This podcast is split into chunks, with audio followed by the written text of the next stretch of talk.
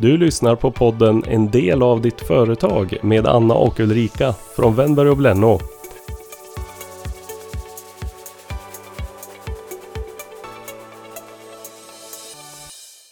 Då var det dags att podda igen. Uh, här sitter jag, Ulrika och Anna från Wennberg och Blenno. Ja. Idag ska vi prata om varumärke. Vad är ett varumärke? Och uh, till våran hjälp att lösa de problemen har vi Steven Kautsky Andersson från Mark Steven Partners. Välkommen! Ja men hej, tack! Jättetrevligt att vara här. Vad är ett varumärke Steven? Ja, det, det, är en bra fråga och det är säkert många som ställer sig den också. Nej, men, varumärket handlar ju om att bli vald. Det handlar om att eh, förmedla någonting som känns eh, relevant, intressant, kanske till och med personligt för den som gör det aktiva valet att välja vad som erbjuds. Ett varumärke kan vara en produkt, en tjänst, men det kan också vara en specifik plats eller ett företag. Eller varför inte en person. Vad är skillnaden mellan ett varumärke och ett bolagsnamn? Ja, det där är en bra fråga för det, det, det är väl egentligen det som, som är skillnaden från att eh, bli framgångsrik. Det handlar ju om att bli vald, alltså ett bolagsnamn eller en produkt eller en tjänst. Största önskan är ju återigen att, att faktiskt bli vald för att mm. man symboliserar eller står för någonting. Eh, det kan vara ett emotionellt mervärde att någon har en längtan av att göra ett val, att eh, ta till sig någonting. Det är ungefär som när man tittar på Zlatan. Zlatan är ju ett starkt eh, personligt eh, varumärke. Eh, väldigt många vet vem Zlatan är. Det vill säga han har en plats i människors medvetande och det är precis det det handlar om. att när man vill skapa ett varumärke så handlar det om att ta plats i människors medvetande. Och det här kan ju låta lite abstrakt, det kanske till och med för vissa låter lite flummigt, men det är precis det här som skapar lönsamhet, attraktionskraft och framförallt konkurrenskraft. Och det ser man också sett utifrån de 500 ledande företagen att varumärket är en prioriterad tillgång. Men att Zlatan kan man tycka, tänka och känna precis vad man vill de allra flesta vet vem det är. Antingen tänk, tycker man positivt eller negativt. Men om det är någon som inte känner till Zlatan, då är Zlatan inget mer än fysisk gestaltning i kött och blod. Det vill säga Zlatan är inget varumärke. Vet man inte vem Zlatan är, man lägger inga värderingar, man har inga associationer, då är Zlatan inget varumärke. Och när du pratar om ett bolagsnamn så är ju det någonting som ska befästa en, en, en produkt eller en tjänst. En, en vara. Men så länge inte varan, produkten, tjänsten blir vald för någonting så är det inget annat än ett namn. Varumärket träder i kraft när man lägger värderingar kring vad som erbjuds. Det var ett långt svar. Jag vet inte om du fick det exakta. Jo, jag men... fick ett svar. Det jag tänker då det är att ett, man kan ju ha ett bolagsnamn och sen kan man ju ha flera produkter som kanske är varumärken i sig själv då. Det kanske inte är själva bolagsnamnet som är varumärket eller?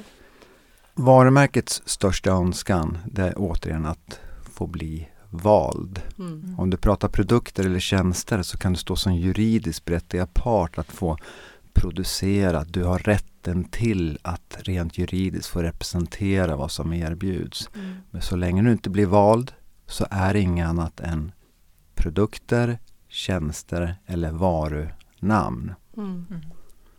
Men när man ska bygga ett varumärke för att vara de där 500 toppen, mm. alltså vad ska man som företagare, vad ska man tänka? För oftast är det ju bara företagsnamnet som är som man blir förknippad med. Ja, som ja. man utgår ifrån ja. kanske.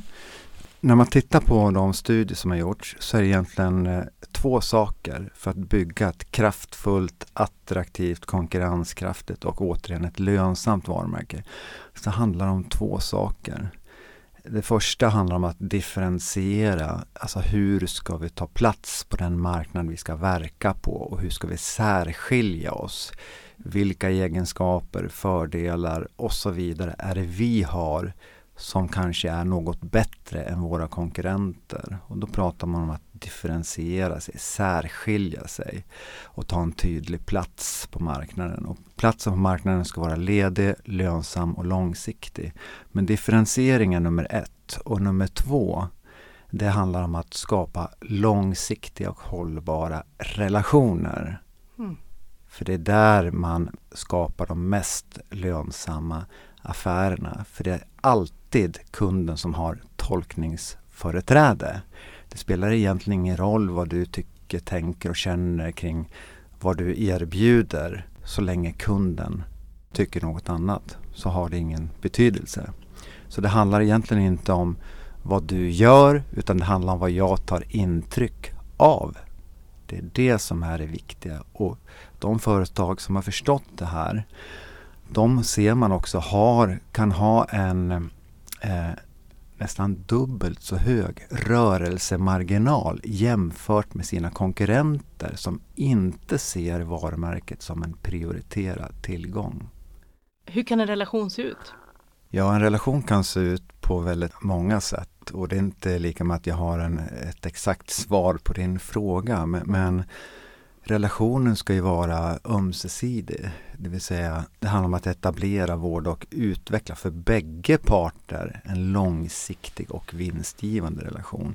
Och, och vinstgivande relationen, det handlar ju väldigt mycket om att varumärket står som en garant, en riskreducerare. Att jag vet när jag gör ett aktivt val och väljer att ta del av vad som erbjuds så är jag också villig att betala något mer så länge jag får det jag förväntar mig. Och förväntan behöver inte överträffas från motparten som levererar det jag väljer att konsumera.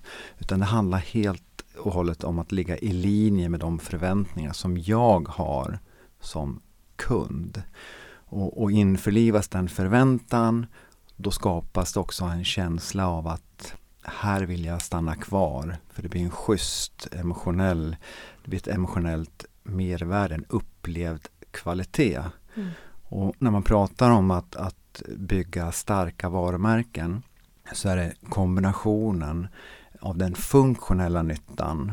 Jag får det jag förväntar mig. Jag köper en bil, den har en specifik lack, den har x antal hästkrafter och så vidare. Men när jag väl sätter mig in i bilen så får jag det emotionella hjärtat, mervärdet. Och det kan vara lite svårare att ta på. Funktionella nyttan och det emotionella mervärdet mm. hjärtat. Och det är precis det som är lite svårt att ta på. Det är inte så lätt att definiera den känslan för den är väldigt subjektivt. Och där också att man brukar prata om att den reella ägaren av varumärket det är faktiskt konsumenten som mm. väljer att ta del av vad som erbjuds. Sen kan du stå som den juridiska berättigade ägaren av vad som erbjuds. Men varumärket bor i betraktarens, kundens medvetande och det är en färskvara. Men det är den viktigaste och mest värdefulla tillgången de mest framgångsrika företagen har. Och varumärket är hos dem en prioriterad tillgång. Och då kommer man också till det här som också är en utmaning när man är ute och möter företag och, och har respekt för deras vardag. Att det är väldigt mycket som händer och sker. Och ordet varumärke kan vara lite kommersiellt belastat. Man tänker att oj, ordet varumärke det låter kostsamt, det låter dyrt och så vidare. Det är precis den man får när man pratar med kunder, att det är dyrt. Det är inte så viktigt. Nej, och ändå så är det det absolut viktigaste du har att tillgå. Varumärket något förenklat, det är ditt förtjänta förtroende. Det är ditt anseende, ditt goda rykte. Varumärket lever och bor i kundens medvetande och det är en subjektiv bedömning. Det är upp till kunden att tycka, tänka och känna. Kunden har företräde och det är det man måste förstå. Att varumärket handlar inte om att vara enhetligt exponerat. Att det ska se ut på ett specifikt sätt och det ska vara specifika färger kring eh, namn, det beskrivande namnet och så vidare. Att det handlar om logotyper och så vidare. Utan det handlar om den här upplevda mm. kvaliteten. Vad det är man får i kombinationen av hur man uppfattar den människa. Eh, här ska jag ge ett exempel. Jag har jobbat då tillsammans med hjärnkirurger, hjärtspecialister och så vidare och de har sagt till mig Steven, vi säljer väl ändå inte bilar? Nej, det är helt korrekt uppfattat att vi inte säljer bilar. Men vi representerar ett förtroende. Oavsett din akademiska utbildning, dina erhållna erfarenheter, din profession. Så länge det finns någon annan som erbjuder precis samma sak och kunden, det vill säga patienten, har en valmöjlighet så är du konkurrensutsatt. Och då kommer kunden, det vill säga patienten, enbart göra sitt aktiva val baserat på hur kunden, patienten upplever dig i ditt sätt att bemöta kunden, patienten. Och då är det också väldigt subjektivt och då handlar det inte längre om den upparbetade kompetensen som man representerar utan då handlar det direkt om vad, vad kunden tycker, tänker och känner om dig som person i ditt sätt att bemöta. Mm. Mm. Det svåraste. Kan, Ja, för många tror jag att det är svårt. Eh, Man tycker man har en bra tjänst eller en bra vara men att det här att möta kunden kan vara svårt. ja. Mm. Man får vara ödmjuk och man får ha förståelse för att vi reagerar på olika sätt. Och, och det, man, man får försöka anstränga sig att vara lyhörd. Och när man tittar på exempelvis eh, Forbes lista på de 500 världsledande företagen så ser man faktiskt att över 80% av dem jobbar ju med varumärket som en prioriterad tillgång. Och eh, man utgår ifrån den egna personalen. Och då brukar man prata om det här att varumärket definieras utifrån och in. Alltså utifrån kundens bestämda uppfattningar skapar man kunskap. Varumärket definieras utifrån och in men byggs inifrån och ut. Byggs inifrån den egna personalen med tydliga uttalade och förankrade värderingar. Och då pratar man om, om värderingsdriven organisation. Det är där man finner källan av att skapa vad som senare blir de här långsiktiga relationerna. Att, att företaget tillsammans med medarbetarna har uttalade värderingar för hur man ska förhålla sig gentemot varandra i sin yrkesvardag. Mm, Det var en av funderingarna. Man måste ha med personalen på resan. Det måste ju vara jätteviktigt. Ja, Och man att det är måste, uttalat för dem. Få med dem liksom att värderingen, det här är, det här är vårt företags värderingar, att de är med och har satt värderingarna kanske framförallt. ja, det, det, Så att de kan leva dem. Det är en väldigt bra förutsättning att, Mm. att utifrån eh, företagets affärsidé, det vill säga vad företaget har för avsikt att, att eh, leverera, man har tydliga kunder och man har en viss förståelse vad som särskiljer en, så behöver man också få organisationen att eh, jobba, inte bara värderingsdrivet utan som ni också är inne på, att ha förståelse för att det är kunden som värderar varumärket, produkten, tjänsten på ett eller annat sätt. Och har man då tydliga uttalade värderingar för hur man ska förhålla sig gentemot varandra men också för hur man ska agera och kommunicera såväl internt som externt så har man en bra grund för att skapa en välmående organisation. Och det ser man också effekten av att eh, jobba värderingsdrivet och ha varumärke som en prioriterad tillgång skapar ett ökat engagemang bland de anställda. Man har ett bra högt välmående. Man har eh, en låg sjukskrivning och så vidare. Man jobbar mer effektivt, produktivt. Man blir något förenklat mer lönsam.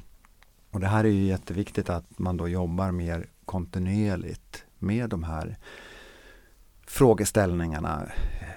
Och jag lyssnade på radion igår, man pratade om Ingvar Kamprad. Han gick ju tillbaks hela tiden till sin styrelse.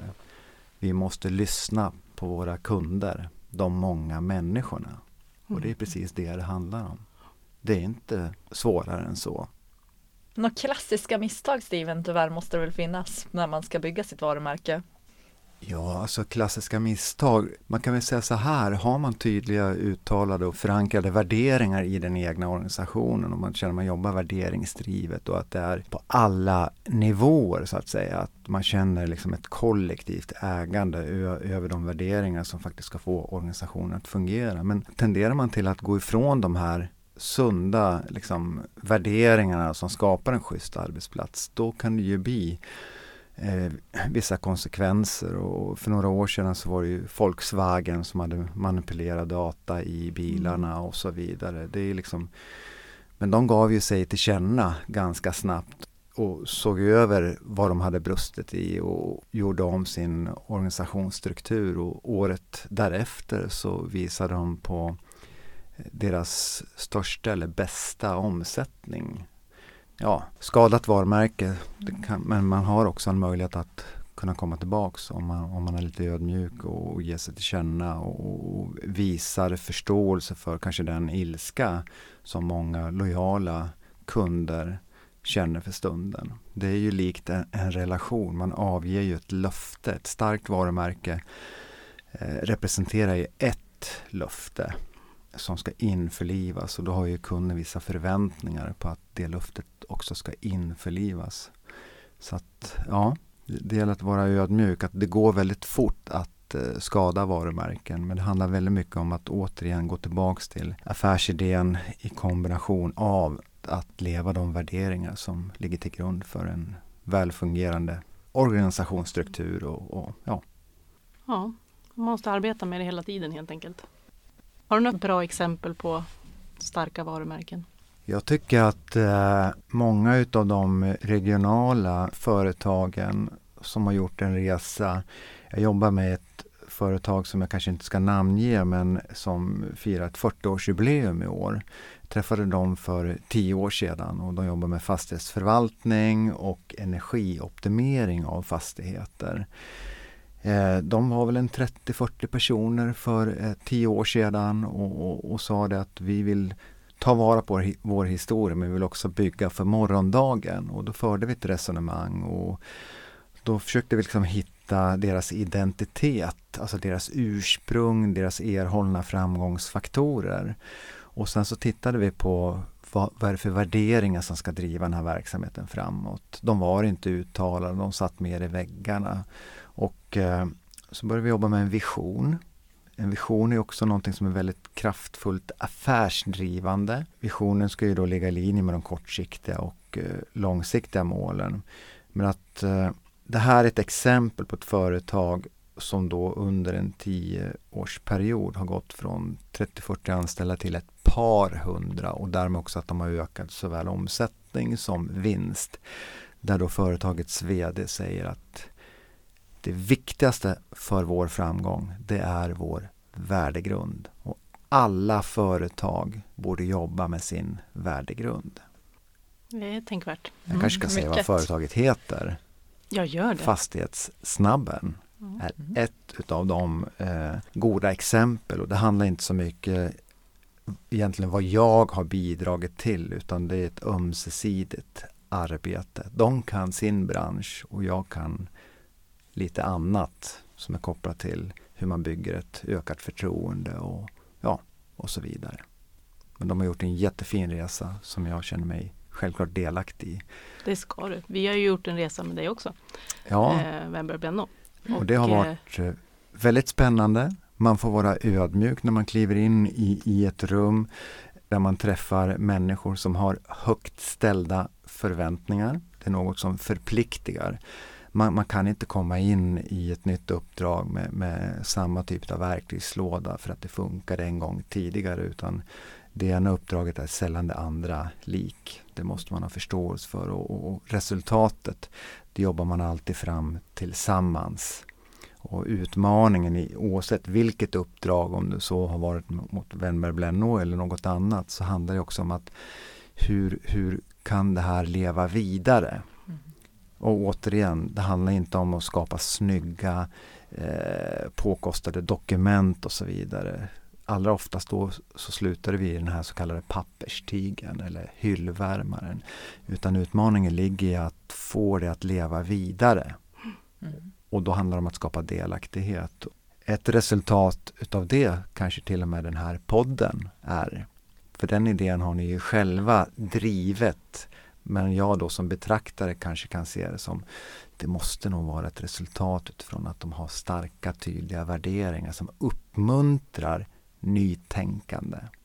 För tänker vi lika är det ingen som tänker. Nej. Nytänkande är också vad som är en förutsättning i, i en omvälvande bransch och där ni befinner er. Så att, tycker jag det känns jättekul att få vara här idag.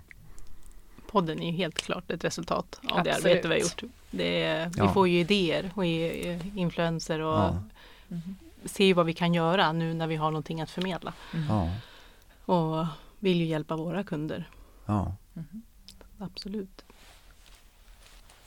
Ja, Steven. Grymt. Men hur ska vi sammanfatta det här nu då? Så folk eller företagarna går vidare och jobbar med det. ja, framförallt så handlar det om att ta kontroll över det egna varumärket. Stäm av. Vad tycker, tänker och känner kunden? Och det är en färskvara. Har kunden tänkt, kanske vid något tillfälle, att jag kanske ska titta på några av de andra erbjudandena? Eller är kunden en så pass god ambassadör så att kunden i sig rekommenderar andra och så vidare. Alltså stäm av. Och då kan man jobba mot specifika frågeställningar och så vidare. Men kanske det allra viktigaste utifrån din frågeställning, det är egentligen att jag skulle vilja avsluta med, med tre relativt enkla och självklara frågor. Och ser man till dem, återigen 500 ledande svenska företagen som är konkurrenskraftiga, som är attraktiva ur rekryteringsperspektiv och så vidare och som är lönsamma. De kan svara ja på följande tre frågor. Betraktas varumärket som en prioriterad tillgång? Används varumärket som en konkurrensfördel? Är varumärket den strategiska utgångspunkten i verksamheten? Och svarar man ja på de frågorna Då är man en bra bit på väg för att differentiera sig, särskilja sig och man har förmågan att bygga långsiktiga relationer. Och det gynnar verksamheten på flera plan. Härligt! Tack så mycket Steven för att du kom hit. Tack!